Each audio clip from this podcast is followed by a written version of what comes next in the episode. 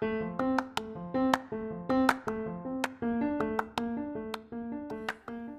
hai hai, balik lagi nih di podcast Rungun.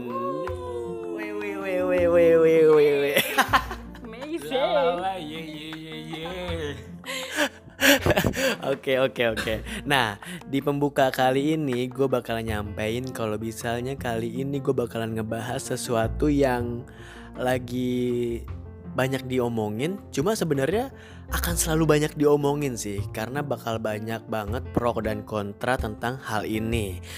gue bakalan ngebahas tentang yang namanya prostitusi, baik itu prostitusi online, offline, pre-order, pokoknya segala macam prostitusi gue bakalan coba bahas bersama dengan teman-teman gue yang ya kita sebagai masyarakat awam akan memandang apa ya akan memberikan pandangan kita terkait tentang prostitusi ini gue udah sama dua temen gue yang satu namanya Cila Hello guys. Asik.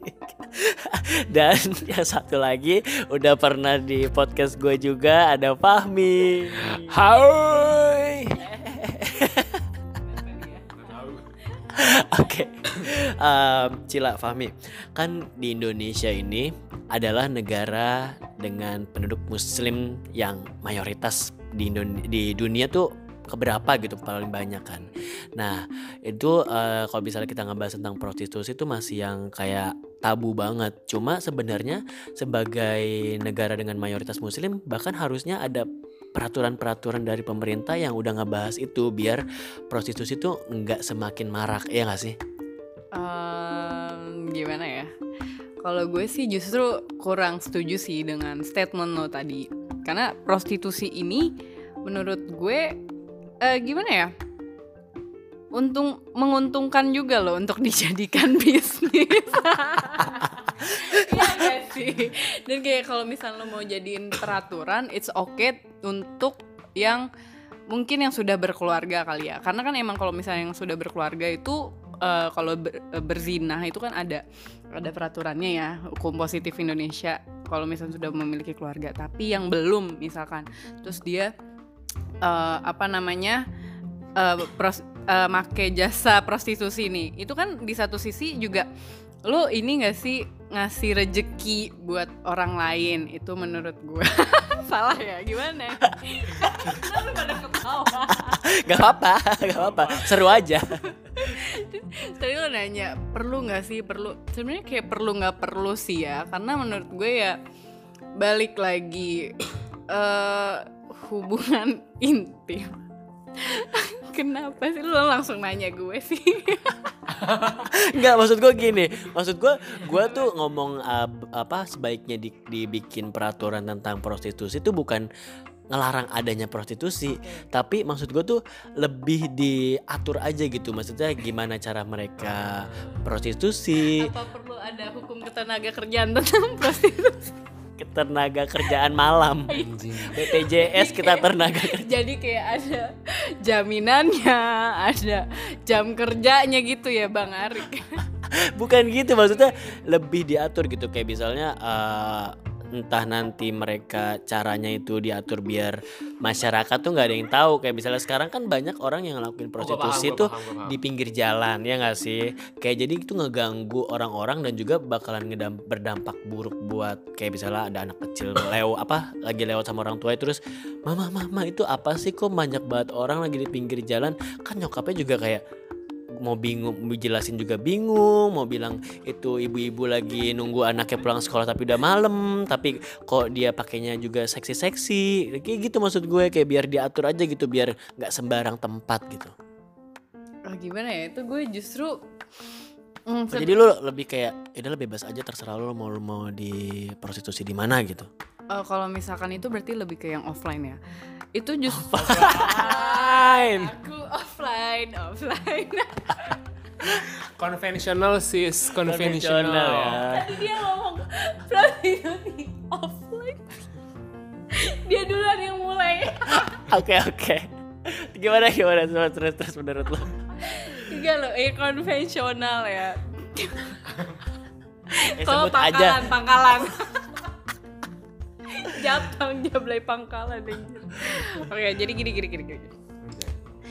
Itu tuh biasanya kan kayak gitu-gitu sebenarnya rahasia umum ya, kayak saritem, kali jodoh. Itu kan maksudnya oh kayak misal di parung, itu kan gimana ya? nggak mereka semua tuh nggak pakai pakaian minim loh rata-rata dan ada juga yang kayak eh, abang go- ojek nih misalkan atau cowok yang stay di situ jadi kayak ntar langsung diantarin ke ke kosannya dia gitu kan jadi kayak eh, menurut gue itu nggak terlalu nggak nggak mengganggu ya.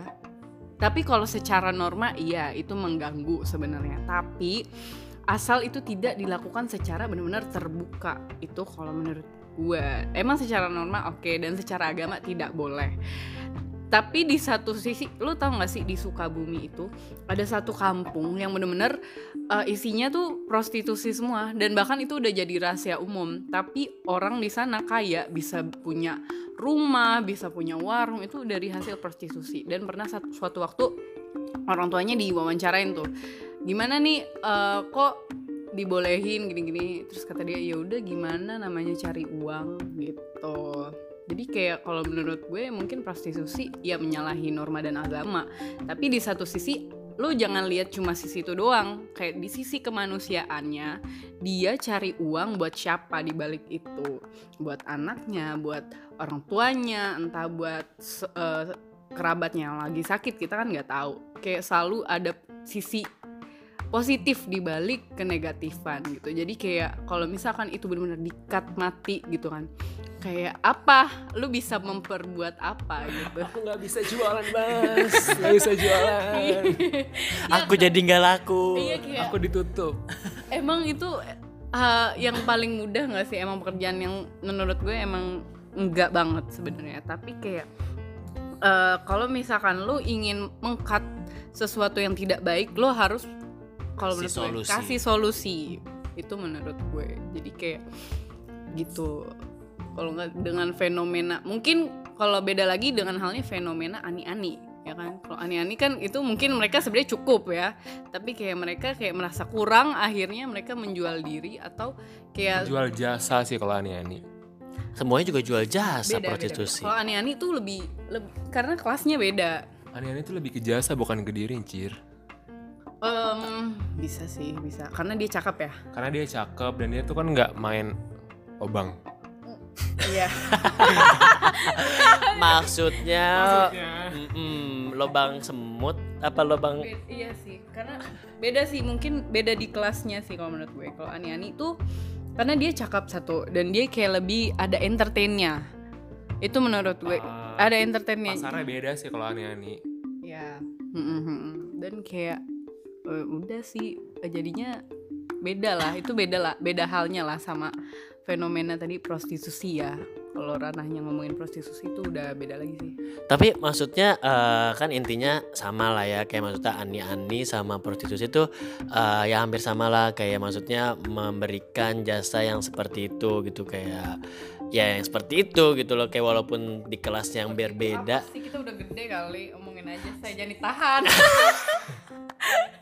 maksud maksud gue tuh kayak kalau misalnya ya ya walaupun berbeda misalnya prostitusi ya ya udah berbau seks. Kalau misalnya ani-ani tuh bisa ya ada yang berbau seks ada yang cuma kayak nemenin jasa nemenin makan jasa nemenin pacaran nonton segala macam ya walaupun berbeda cuma halnya sama kan dibayarkan untuk memberikan jasa gitu.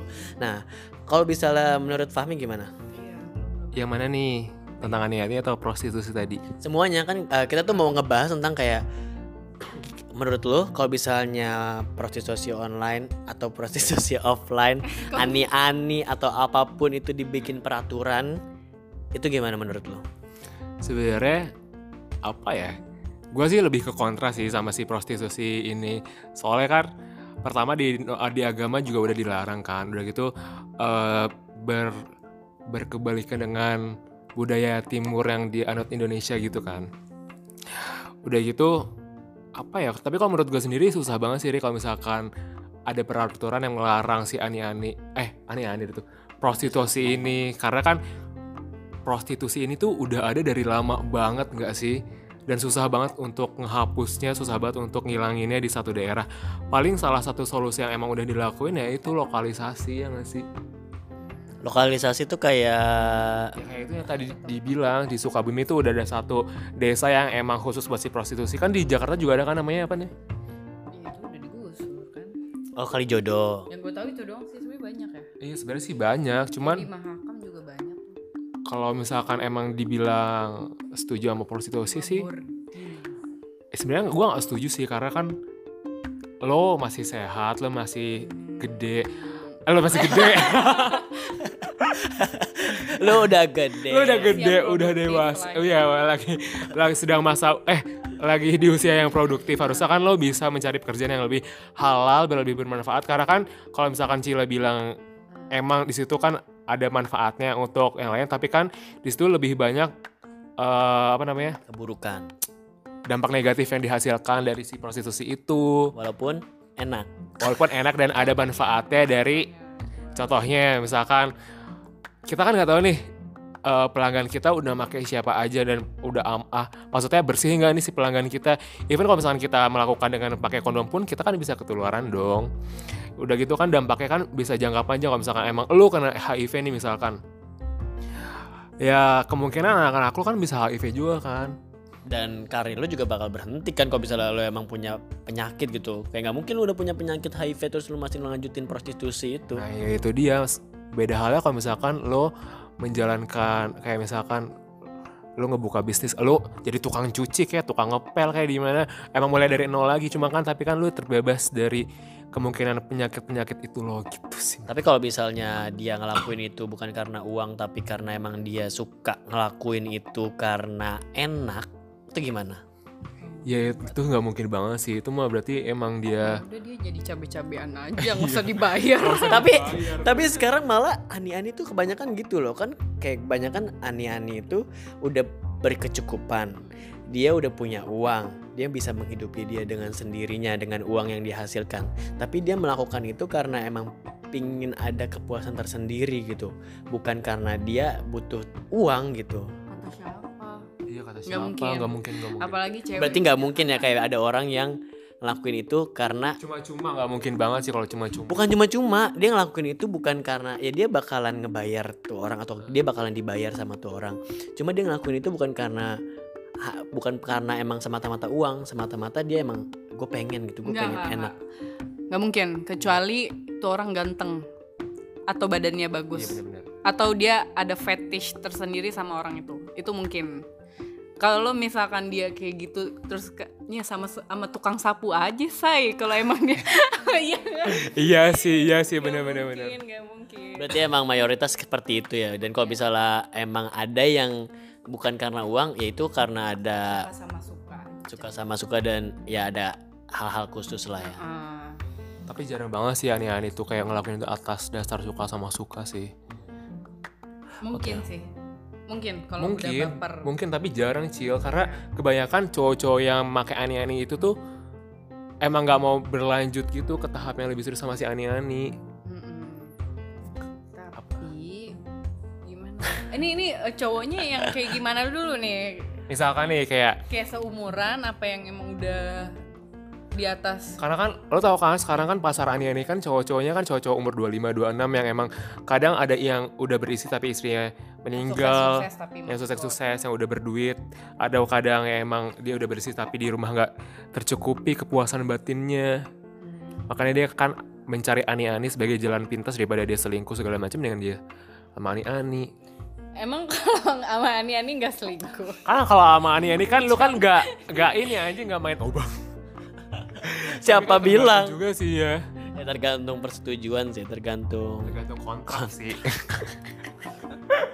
Tapi tapi kalau misalnya tadi ngomongin lokalisasi ngomongin lokalisasi kayak tadi misalnya uh, lu bilang uh, di Sukabumi ada satu desa yang isinya tuh seperti itu. Nah uh, di Jakarta juga ada. Nah kalau misalnya emang uh, ada peraturan yang bikin kayak misalnya ya lu boleh prostitusi tapi lu uh, bikin satu daerah yang emang isinya prostitusi semua gitu. Itu menurut gue gimana? Iya. Menurut kita. menurut lo? Ya peraturannya yang seperti itu. Kayak misalnya oke prostitusi nggak dilarang tapi eh pemer- misalnya gue pemerintah nih gue mau eh, setiap prostitusi itu di, di di daerahin gitu. Kayak misalnya Rapih gitu ya. rapih biar kayak ya daerah lain nggak terjangkit atau nggak tahu kalau misalnya ada ada kegiatan prostitusi itu gitu loh. Kan itu tetap berjalan cuma ya masyarakat nggak ada yang tahu. Kalau menurut lo gimana? Masyarakat nggak ada yang tahu. nggak mungkin sih. Nggak mungkin sih. Nggak mungkin. tapi maksudnya nggak di pinggir jalan gitu. Iya sih. kayak maksudnya nggak yang kayak orang lagi pulang kerja terus lihat Intinya orang lagi rapih lah ya. tertib gitu loh. Kayak maksudnya biar uh, memanusiakan mereka juga gitu kan. di Jakarta sih tapi menurut gue nggak bisa deh kayak gitu. Nggak akan bisa Indonesia dibikin kayak gitu. Maksudnya eh, itu bener-bener ya udah yang ada aja sekarang underground jangan terlalu kelihatan. Soalnya kalau kayak gitu juga pasti akan dicekal habis-habisan sih. Akan ada demo-demo yang benar-benar masif banget sih kalau benar-benar pemerintah buat peraturan seperti itu ya. Kayak yang ada kan sekarang ya udah nggak sih ini apa namanya underground aja gitu. Benar nggak ada yang tahu berarti nggak usah ada peraturan gitu? Maksudnya kan eh, setiap setiap apa ya istilahnya setiap hal tuh sebaiknya ada peraturan. Kayak maksudnya walaupun itu nggak mem- mempenjarakan mereka atau misalnya gini kayak misalnya gue gue gue ngelakuin prostitusi terus gue di penjara gitu. Itu eh, gimana ya gue ngejelasinnya? Kalau misalnya ada peraturan tapi yang ngebahas tentang penertiban doang bukan tentang ngasih mereka hukuman kalau misalnya mereka ngelakuin itu. Itu perlu nggak sih? Kayak maksudnya kan kalau misalnya nggak ada peraturan ya mereka bebas sama mereka mereka mau ngapain bebas sama mereka. Ya emang underground sih cuma kan ini negara hukum ya. Maksudnya eh, kayak sebaiknya ada nggak sih peraturan yang emang ngebahas itu cuma nggak yang memperjarak mempenjarakan mereka? Menurut gimana ya? Kalau menurut gue susah banget sih. Emang kalau menurut gue peraturan itu penting cuman realisasinya di Indonesia tuh masih susah banget nih. Contoh kecil lah deh di pinggir rumah gue tuh tau gak sih di Indomaret dekat rumah gue Hmm. itu tuh sampingnya tuh tempat jablay-jablay nongkrong kan. Itu tuh dari awal gue pindah ke sana emang udah jadi sarang. Sampai akhirnya waktu itu TNI TNI sama polisi tuh datang ke sana buat ngehancurin kayak gituan deh. Tapi ya emang susah karena banyak aja yang ngejagain kayak banyak preman-preman yang ngejagain. Gitu loh. Jadi waktu itu sempat kayak udah hilang nih. Tapi kayak seminggu kemudian ada lagi muncul. Karena emang mereka nggak pernah takut karena ngerasa udah ada yang ngelindungin ya udah ada preman yang ngejagain daerahnya. Jadi kayak menurut gua percuma sih dibikin peraturan kayak gitu karena susah banget realisasiinnya di Indonesia tuh parah. Tapi kan kayak kalau kita lihat dari negara Indonesia yang maksudnya ke timur ber- berkiblat ke timur kalau misalnya kayak gini kemungkinan nanti mereka kalau misalnya digerebek sama masyarakat terus nggak ada hukumnya gitu nggak sih? Kayak maksudnya nggak ada yang ngelindungin dia dihukum juga kalau misalnya mereka digerebek sama masa. Arti nggak jadi gini Maksudnya kayak Jadi- hukum, hukum cambuk di Aceh gitu maksudnya. Bukan hukum hukum yang buat kan jadi hukum jadi maksud gue tuh hukum nggak cuma buat hukum mereka doang. Ah. buat melindungi mereka juga dari uh, hal-hal kayak misalnya mereka digerebek masa mereka bisa lagi mangkal tiba-tiba ditarik sama orang gitu. Nggak akan bisa. Karena pemikiran orang Indonesia eh, yang salah ceweknya ngapain lu bekerja seperti itu? Seperti apa yang tadi Fami bilang. Gak akan bisa. Jadi kayak mau intinya sih kayak yang gue tangkap dari tadi pertanyaan lu kayak mendukung pekerjaan dia di lokalisasi entah itu di lokalisasi entah itu dibikin peraturan biar menjaga keselamatan dia apa segala macam itu nggak akan bisa sih. Mau gimana pun itu adalah sebenarnya perbuatan yang salah. Tapi balik lagi itu buatan yang salah. Iya tapi itu balik lagi pilihan masing-masing pilihan hidup masing-masing gitu. Jadi kayak kalau gue bukan tipe yang ngejudge terus kayak harus lu harus nggak boleh itu salah itu salah apa siapa gue? Bukan Tuhan juga kan. Jadi kayak yaudah manusia mempunyai ceritanya masing-masing. Tapi gitu menurut gue kayak eh, gue tidak gue juga tidak sepenuhnya mendukung gue tidak sepenuhnya juga kayak eh membolehkan juga sih gitu. Mendukung sama membolehkan sama aja. Iya bener. Apa bedanya mbak? Tolong tolong saya sudah kan apa tidak men- apa nggak begitu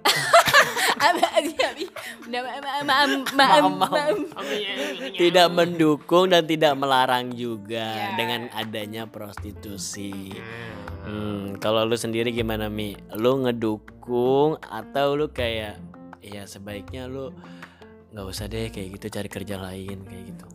Ya kalau dari gue sih dari gue bilang dari awal gue emang sebenarnya rada kontra. Cuman realisasinya eh realistis aja lah susah banget anjir untuk dihilangin tuh prostitusi. Jadi kayak sebenarnya mau pasrah juga bingung.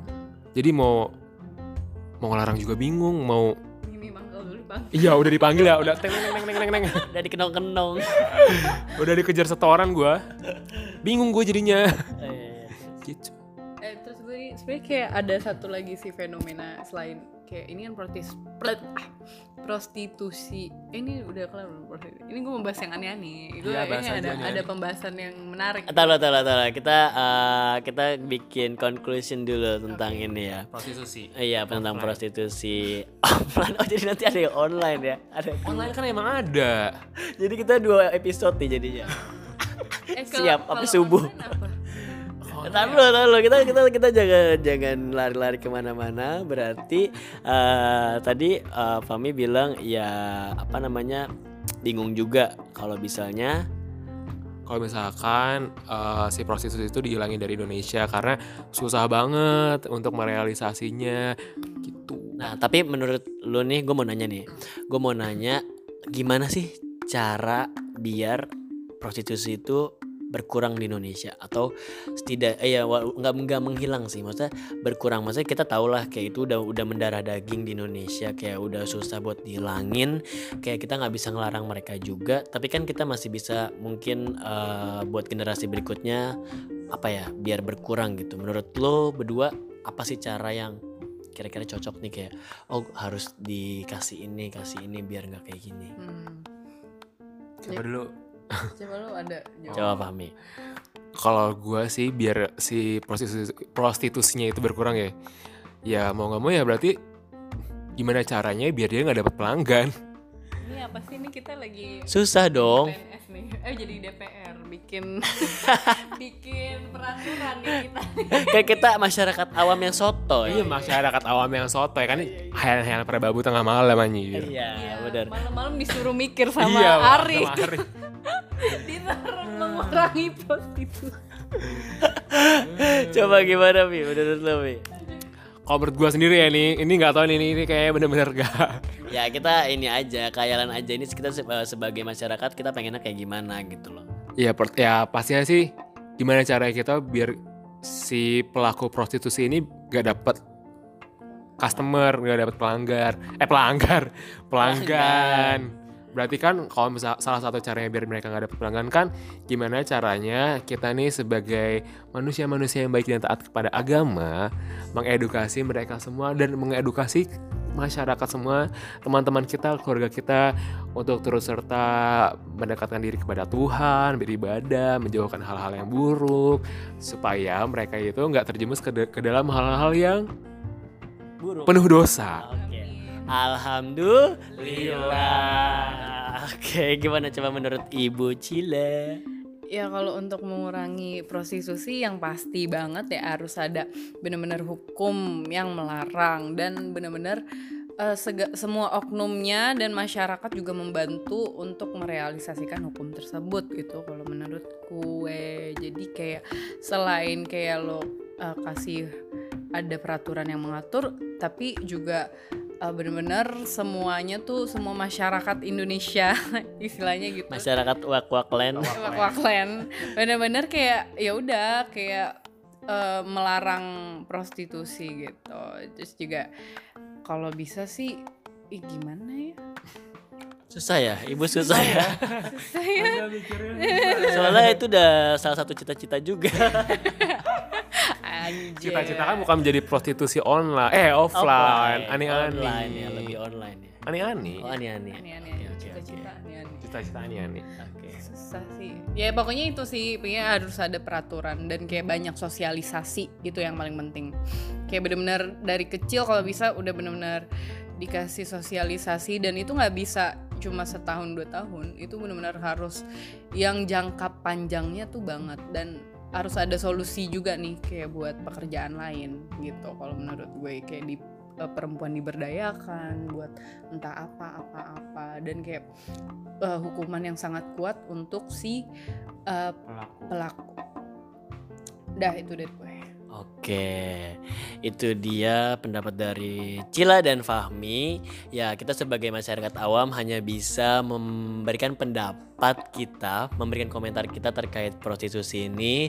Ya, kita pengennya negara kita ini lebih baik lagi lah ya. Maksudnya, ya kita apa ya kita nggak pengen lah kayak masyarakat kita uh, bekerja yang seperti itu. Karena pekerjaan seperti itu kan banyak resikonya. Kayak penyakit juga kayak terus dia bekerja di tengah malam begadang.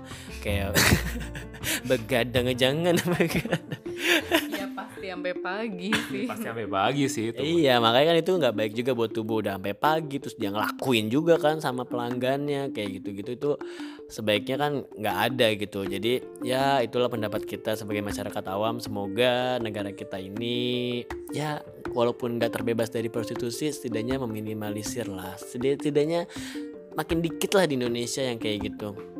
Untuk terakhir kali seperti biasa kasih tiga kata buat prostitusi di Indonesia Apa ya? Tiga kata banget nih. tiga kata Hmm. Apa ya? Bingung nih malam-malam suruh mikir. apa ya? Apa ya? Oke, apa nih tiga kata buat prostitusi di Indonesia? Kita mulai dari Fahmi. Kalau gue sebenarnya bukan tiga kata sih, ini jadinya satu kalimat. Itu adalah Indonesia bebas prostitusi. Mantap, Fahmi for Presiden 2000 30. Amin. Amin. Lu. Kalau Cila apa Cil? kalau gue mungkin lebih ke hmm, moral agama manusia Mantap. Cila for Wakil Presiden. Oke, sekian itu dia uh, podcast gue kali ini yang ngebahas tentang prostitusi di Indonesia. Maafin kita kalau misalnya ada kata-kata atau ada pendapat yang mungkin salah karena kita adalah masyarakat awam yang hanya berpendapat tentang prostitusi ini. Semoga Indonesia seperti yang tadi dibilang sama Fahmi bebas dari prostitusi dan juga ya pokoknya terbaiklah buat Indonesia. Sekian, terima kasih dan selamat malam. Yeay.